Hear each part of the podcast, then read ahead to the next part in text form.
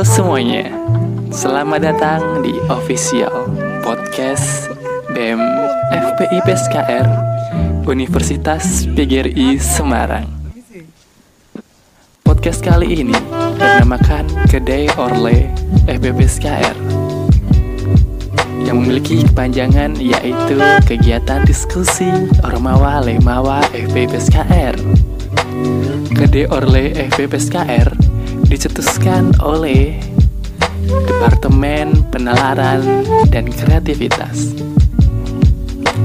Diskusi kali ini akan lebih santai dan berbeda. Kita akan mengambil tema-tema yang sedang viral di luar sana, mengambil tema back to basic dan self improvement. Jadi, style listening dengan kami podcast BEM FP PSKR di Kedai Orle FPI PSKR. Selamat mendengarkan.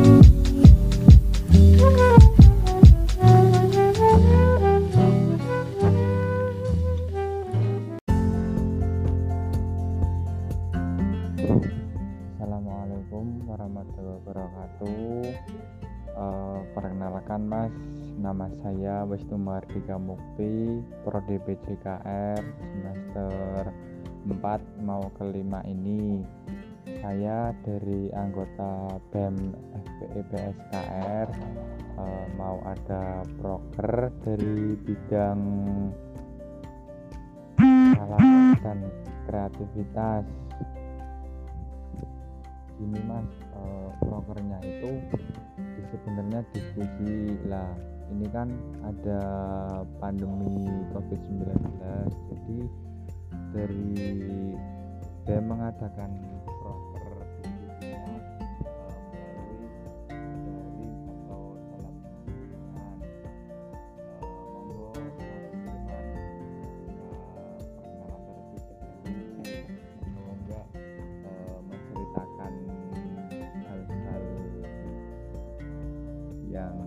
ya yang sekiranya uh, baguslah pada pandemi seperti ini.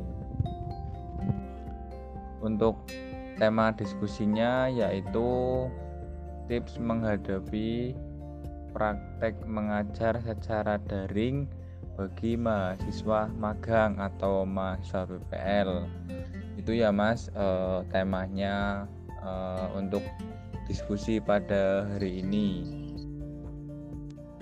Baik, terima kasih Mas Wisnu atas waktunya. Assalamualaikum warahmatullahi wabarakatuh. Salam sejahtera untuk kita semua. Om Swastiastu, Namo Buddhaya, Salam Kebajikan. Sebelumnya saya ingin menyapa dulu pendengar setiap podcast BEM FEPSKR, khususnya mahasiswa PPKN, Pendidikan Ekonomi, dan PJKR Universitas PGRI Semarang. Semoga semuanya dalam keadaan sehat walafiat dan tetap semangat untuk menjalankan aktivitasnya.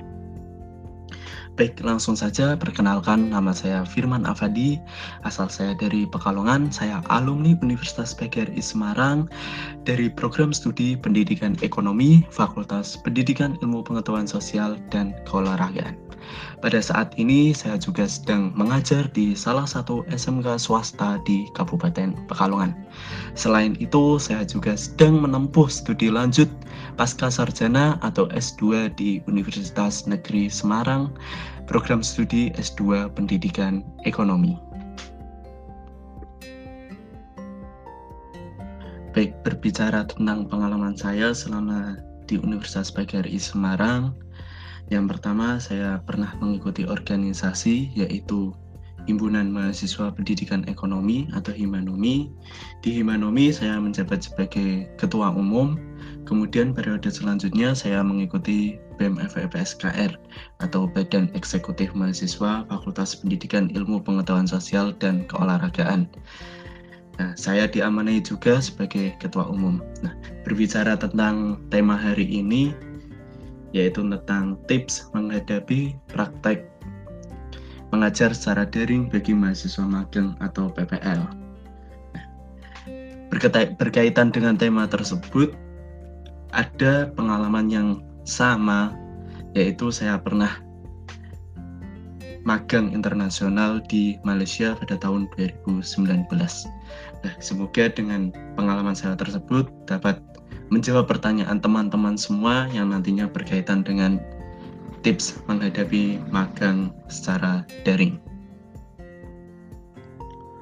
Wah, hebat ya Mas. Uh, Mas Firman bisa magang internasional di Malaysia uh, sedikit dong mas uh, cerita sharing-sharing tentang pengalaman waktu mas Firman magang internasional di Malaysia. Gimana sih kehidupan waktu di Malaysia? Uh, tipikal siswa-siswi waktu di Malaysia itu gimana agar uh, dari kami tahu loh uh, gimana rasanya magang internasional itu? Baik, terima kasih. Saya juga pada saat itu merasa sangat bersyukur sekali karena saya dapat berkesempatan untuk magang internasional di sana, untuk mencari ilmu di sana di Malaysia. Karena menurut saya kesempatan ini kesempatan yang sangat jarang sekali yang ditemukan, apalagi pada musim saat ini juga kan masih pandemi, jadi kemungkinan kecil untuk tahun ini magang internasional di sana dipending dulu karena ada pandemi seperti ini. Nah, untuk kehidupan di sana menurut saya sangat asik, nggak jauh beda juga sama Indonesia. Untuk orang-orang di sana pun sangat ramah, sangat welcome dengan kita orang Indonesia. Kemudian banyak makanan-makanan khas Indonesia yang ada di sana. Jangan khawatir misal di sana, wah nanti gimana ya nggak cocok untuk makanan ataupun lainnya jangan khawatir karena di sana juga banyak-banyak makanan kemudian apa ya istilahnya barang-barang yang ada di Indonesia itu mudah dijumpai juga di Malaysia karena saya juga sering berjumpa dengan orang-orang Indonesia yang bekerja di sana dan ternyata di sana juga ya kayak jual makanan, jual makanan sehari-hari kita jual barang-barang yang ada di Indonesia seperti itu. Jadi saya di sana merasa tenang karena apa yang biasa saya lakukan di Indonesia itu juga ada di Malaysia seperti itu. Kemudian untuk tipikal Malaysia, tipikal siswa di Malaysia maksudnya, nah pada saat saya magang internasional saya kebetulan saya mengajar di SMK Skudai seperti itu atau Sekolah Menengah Kebangsaan Skudai. Nah, itu setara dengan SMK negeri kalau di Indonesia. Nah, untuk tipikal siswanya di sana itu banyak karakter karena saya mengajar tiga etnis yaitu etnis Hindia, etnis Cina, dan etnis Melayu sendiri. Jadi di sana kita harus menguasai yang pasti yaitu bahasa Melayu. Nah, jangan khawatir karena itu tidak jauh beda bahasa Indonesia dan bahasa Melayu. Tetapi juga harus menguasai bahasa Inggris walaupun dasar-dasarnya. Karena untuk etnis Hindia dan etnis Cina itu belum tentu semuanya paham bahasa Melayu. Jadi kita harus dicampur dengan bahasa Inggris agar mereka memahami apa yang kita sampaikan seperti itu. Nah, kemudian untuk gimana sih rasanya di sana? Wah, ya pasti sangat senang saya juga kok hanya satu bulan ya di sana gitu nggak bisa lebih seperti itu rasanya pingin lama-lama lah di sana pengen ngajar gitu karena banyak ilmu pengetahuan baru yang saya dapat di sana. Kemudian metode-metode pembelajaran di sana pun berbeda. Jadi dapat kita terapkan di Indonesia gitu seperti itu. Terima kasih.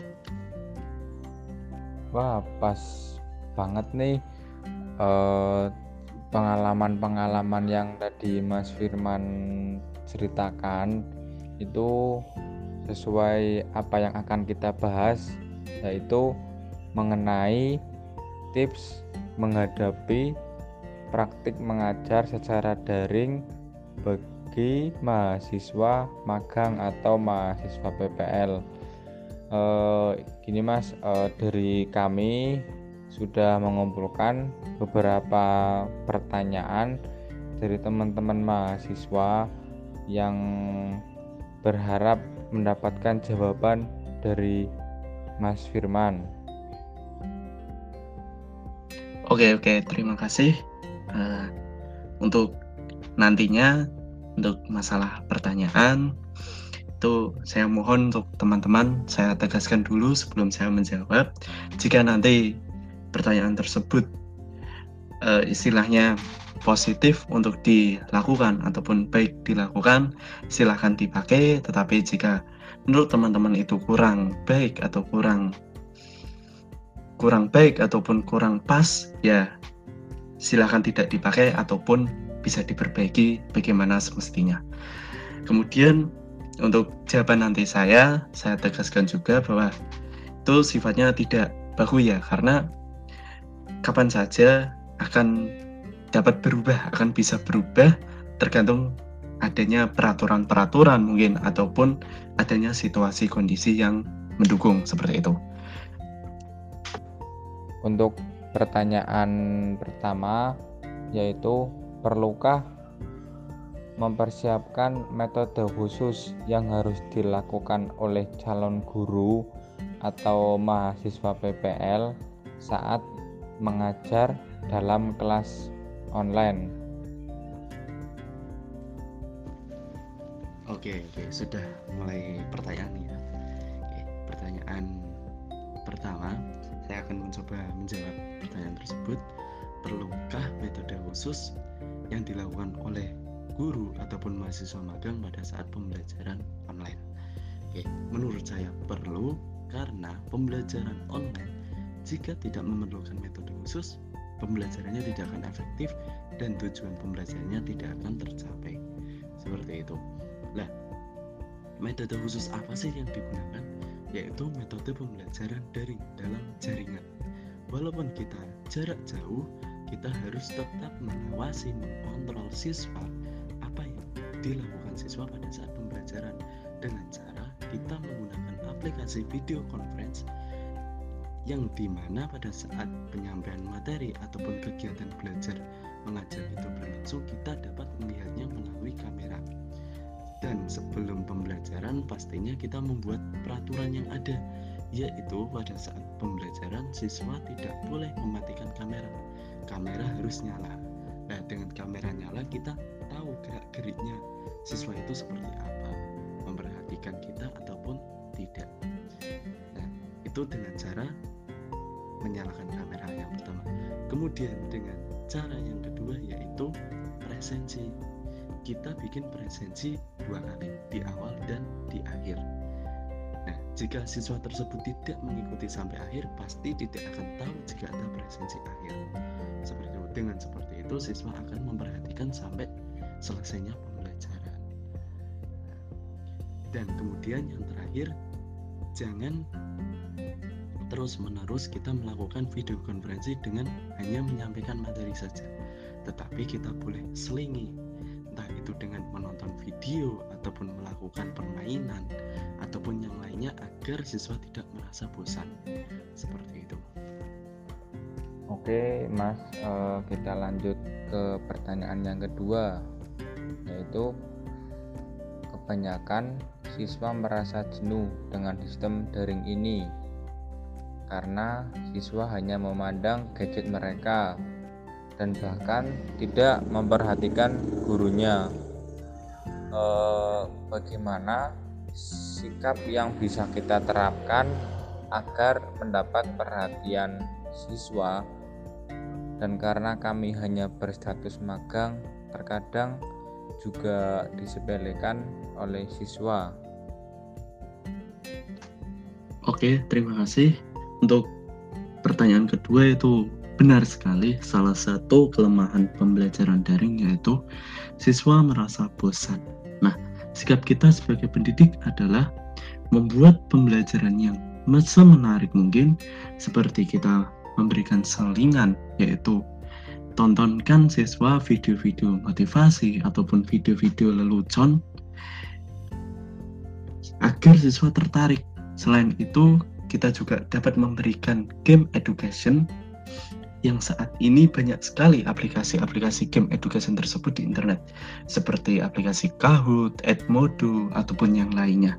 Nah, itu dapat digunakan oleh teman-teman semua karena dengan adanya game tersebut siswa bakal terangsang untuk mengikuti pembelajaran dan bakal penasaran apa sih isi game tersebut. Nah, tetapi tidak hanya berhenti di game. Calon pendidik ataupun peserta magang ataupun PPL dapat memberikan reward atau hadiah.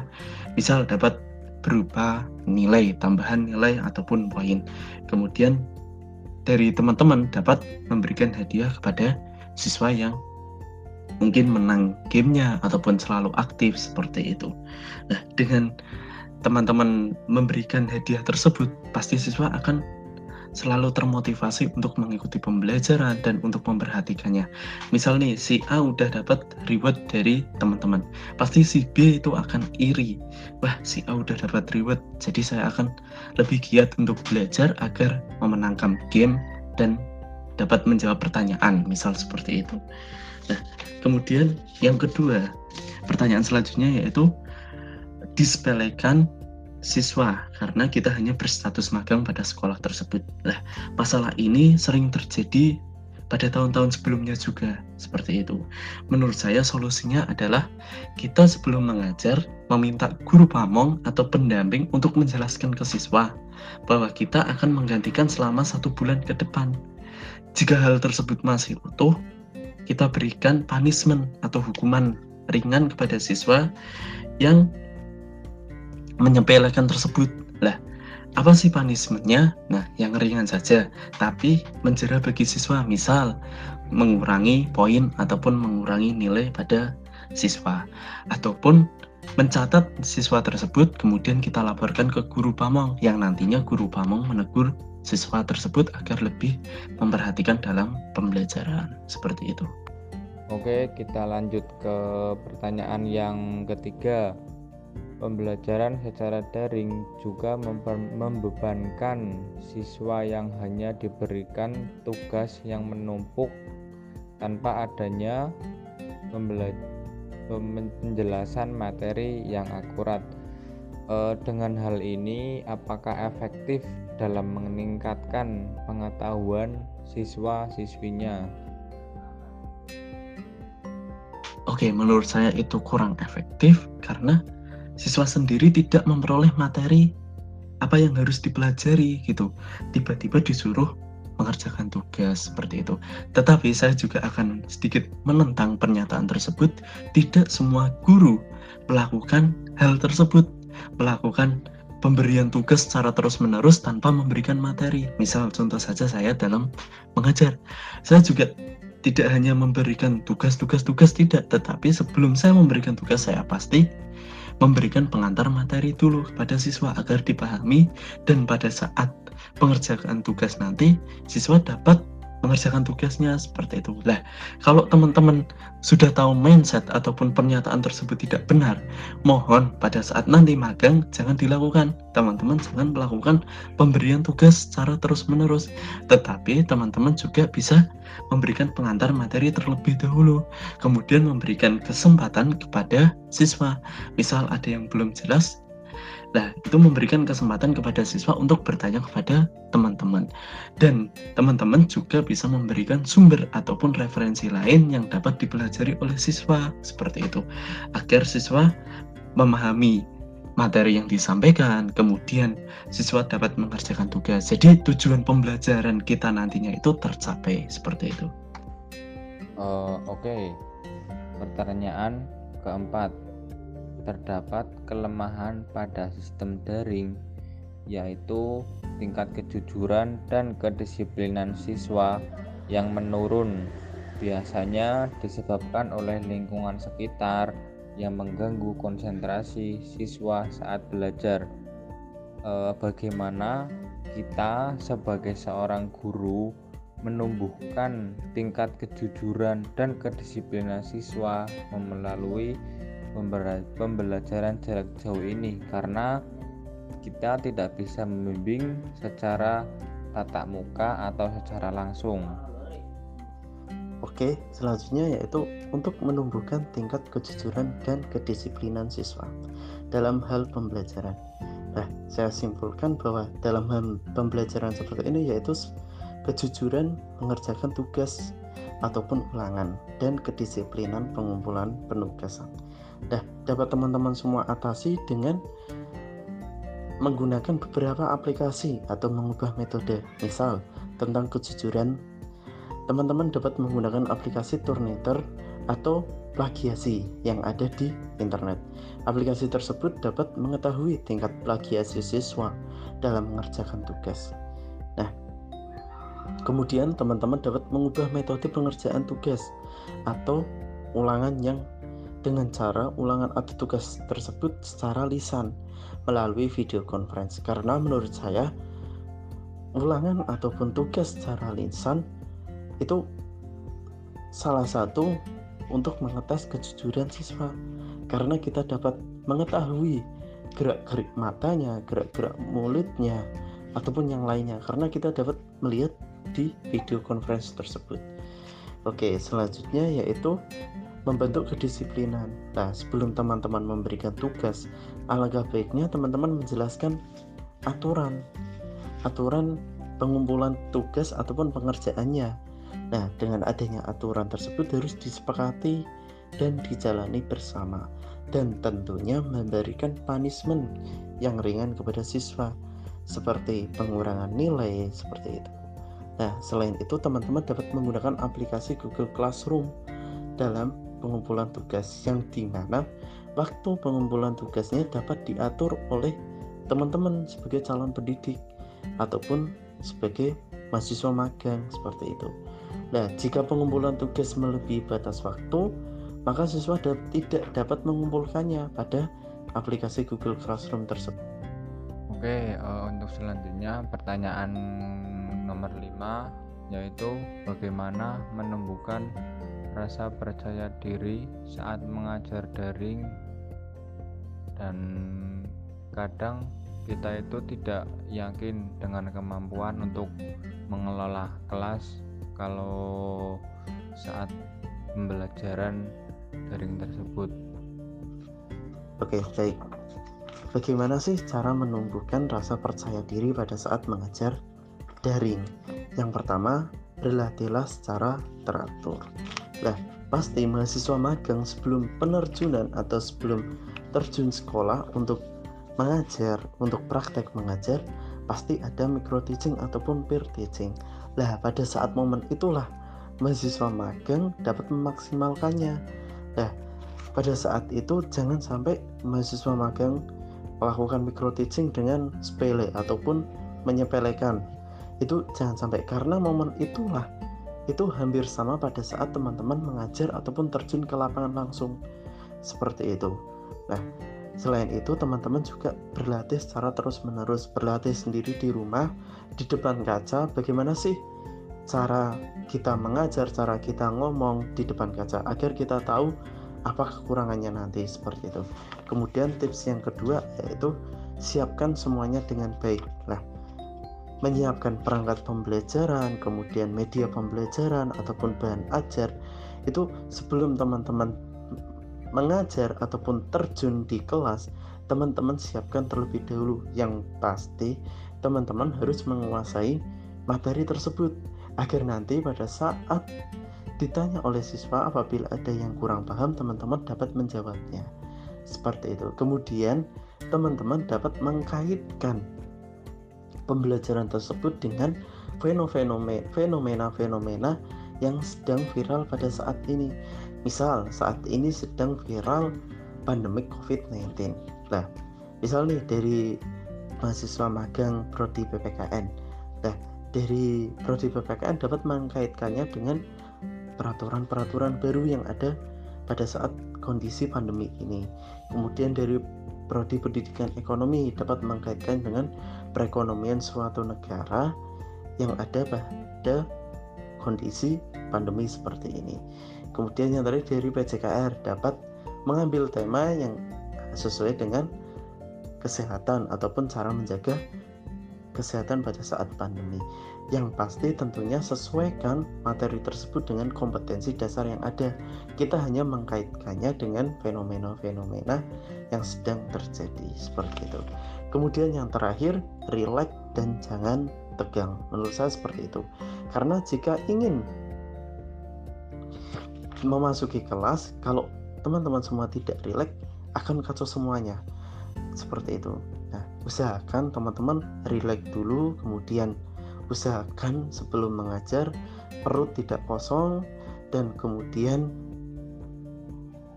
tidak tegang dan anggap saja murid ataupun peserta didik itu seperti teman sendiri seperti itu.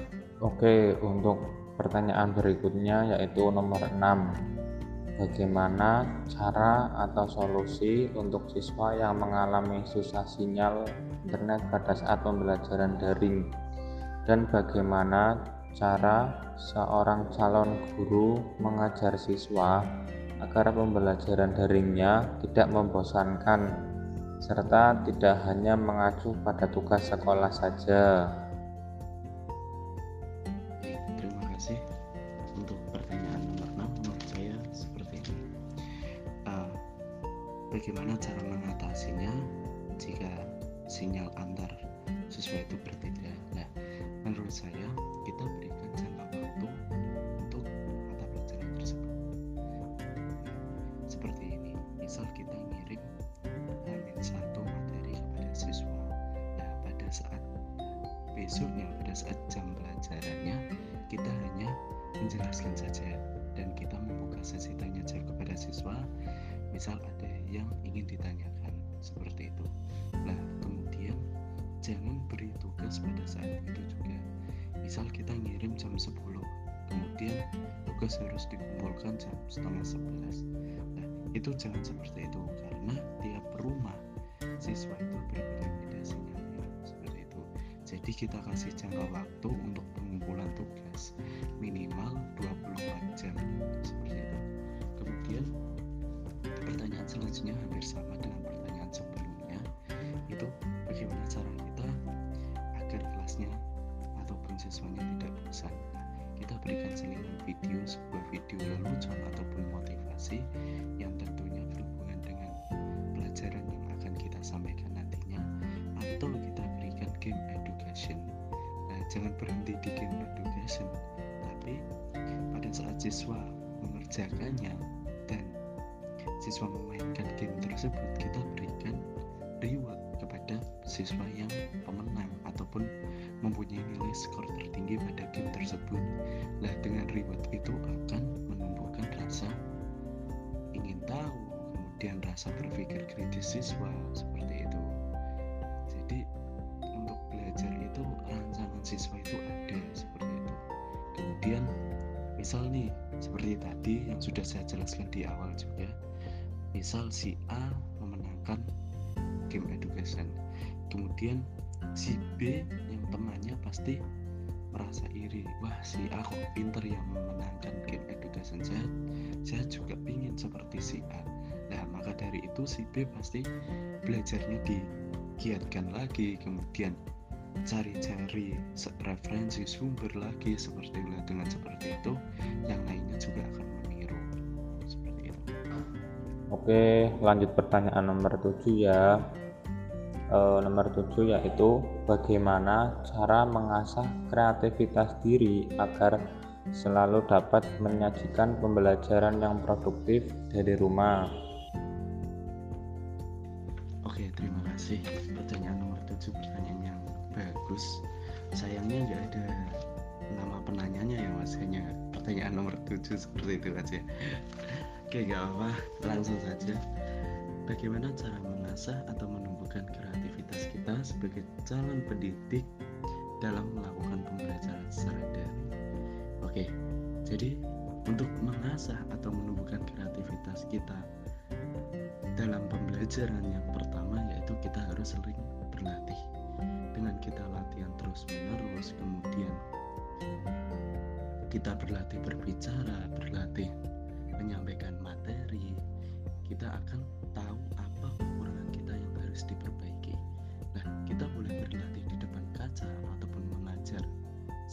Kita sendiri misal ataupun mengajar teman sebaya. Nah, setelah selesai mengajar, kita minta masukan kepada mereka. Apa sih kekurangan kita pada saat kita mengajar tadi? Nah, kalau sudah kita perbaiki, kita tata. Oh ya, tadi bagian misal bagian pembukaan kurang ini kemudian bagian penyampaian materi kurang ini lah kita perbaiki kita berlatih lagi sebelum pelaksanaan pembelajaran seperti itu kemudian yang kedua kita sering-sering melihat referensi ataupun sumber.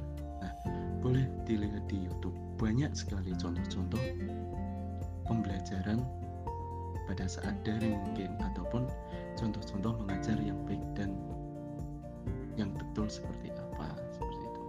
Kemudian yang ketiga kita sesuaikan dengan RPP yang sudah kita buat.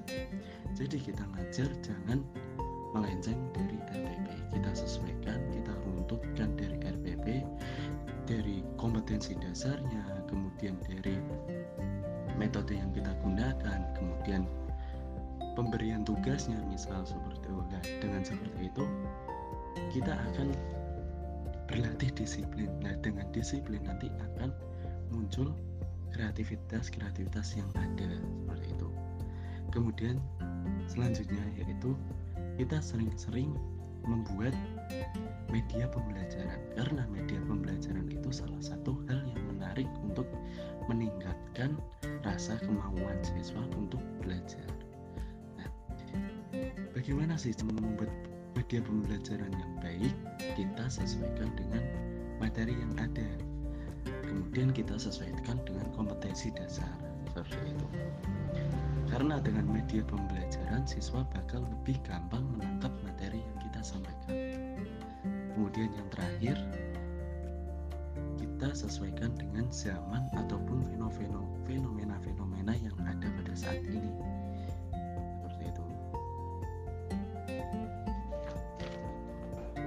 Oke, lanjut pertanyaan nomor ke-8. Bagaimana menurut Mas Firman dengan adanya sistem tatap muka di sekolah? Sedangkan kondisi masa seperti ini dan sekolah magang yang aku tempati itu dengar-dengar sih mau membuka tatap muka terdiri dari 5 sampai 15 siswa yang akan dilakukan di sekolah rumah pintar maupun rumah gurunya atau rumah mahasiswanya. kasih. Untuk pertanyaan nomor 8, menurut saya itu tidak masalah jika ada kesepakatan antara pihak sekolah dengan pihak orang tua murid. Seperti itu. Karena di sekolah saya tempat belajar pun pihak sekolah dituntut orang tua murid untuk melakukan tatap muka. Nah, dengan cara apa? Dengan cara home visit, kita mendatangi ke rumah-rumah murid secara bergiliran seperti itu asalkan kita menggunakan protokol kesehatan dengan menggunakan masker, face shield, dan menyiapkan hand sanitizer. Dan yang terpenting tidak semua siswa misal satu kelas isi 30 tidak semua siswa 30 siswa itu langsung ikut tatap muka. Kita beri jadwal shift misal shift pagi 10 shift siang 10 shift sore 10 nah kalau seperti itu tidak masalah karena kita juga mentaati protokol kesehatan tidak berkerumun hanya beberapa orang saja seperti itu. Dan baru kemarin dari Kemendikbud mengeluarkan bahwasanya jika daerah sekolah tersebut zona kuning dan zona hijau tidak masalah melakukan pembelajaran tatap muka asalkan ada kesepakatan antara orang tua dan pihak sekolah. Itu yang pertama. Dan yang kedua asalkan tetap mentaati protokol kesehatan yang ada seperti itu oke lanjut ke pertanyaan nomor 9 aplikasi apa yang tidak menghabiskan kuota secara selain classroom tetapi bisa untuk menjelaskan materi ke siswanya? 9 ya. Jadi seperti ini. Aplikasi apa yang tidak menghabiskan kuota kecuali Classroom sebelumnya saya akan cerita dulu pada saat saya ngajar seperti apa gitu. Nah pada saat saya ngajar itu saya yang pertama membuat video pembelajaran terlebih dahulu. Nah kemudian video itu saya upload di YouTube. Kemudian saya beri linknya dari itu. Jadi siswa tidak suruh saya tonton hanya melihat video itu. Nah karena pada umumnya siswa-siswa saya itu menggunakan istilahnya paket data atau kuota yang unlimited. Sedangkan unlimited itu gratis untuk YouTube seperti itu. Jadi itu kesempatan bagi siswa untuk melihat materi yang disampaikan oleh gurunya dengan melihat YouTube karena tidak perlu mendownload video tersebut.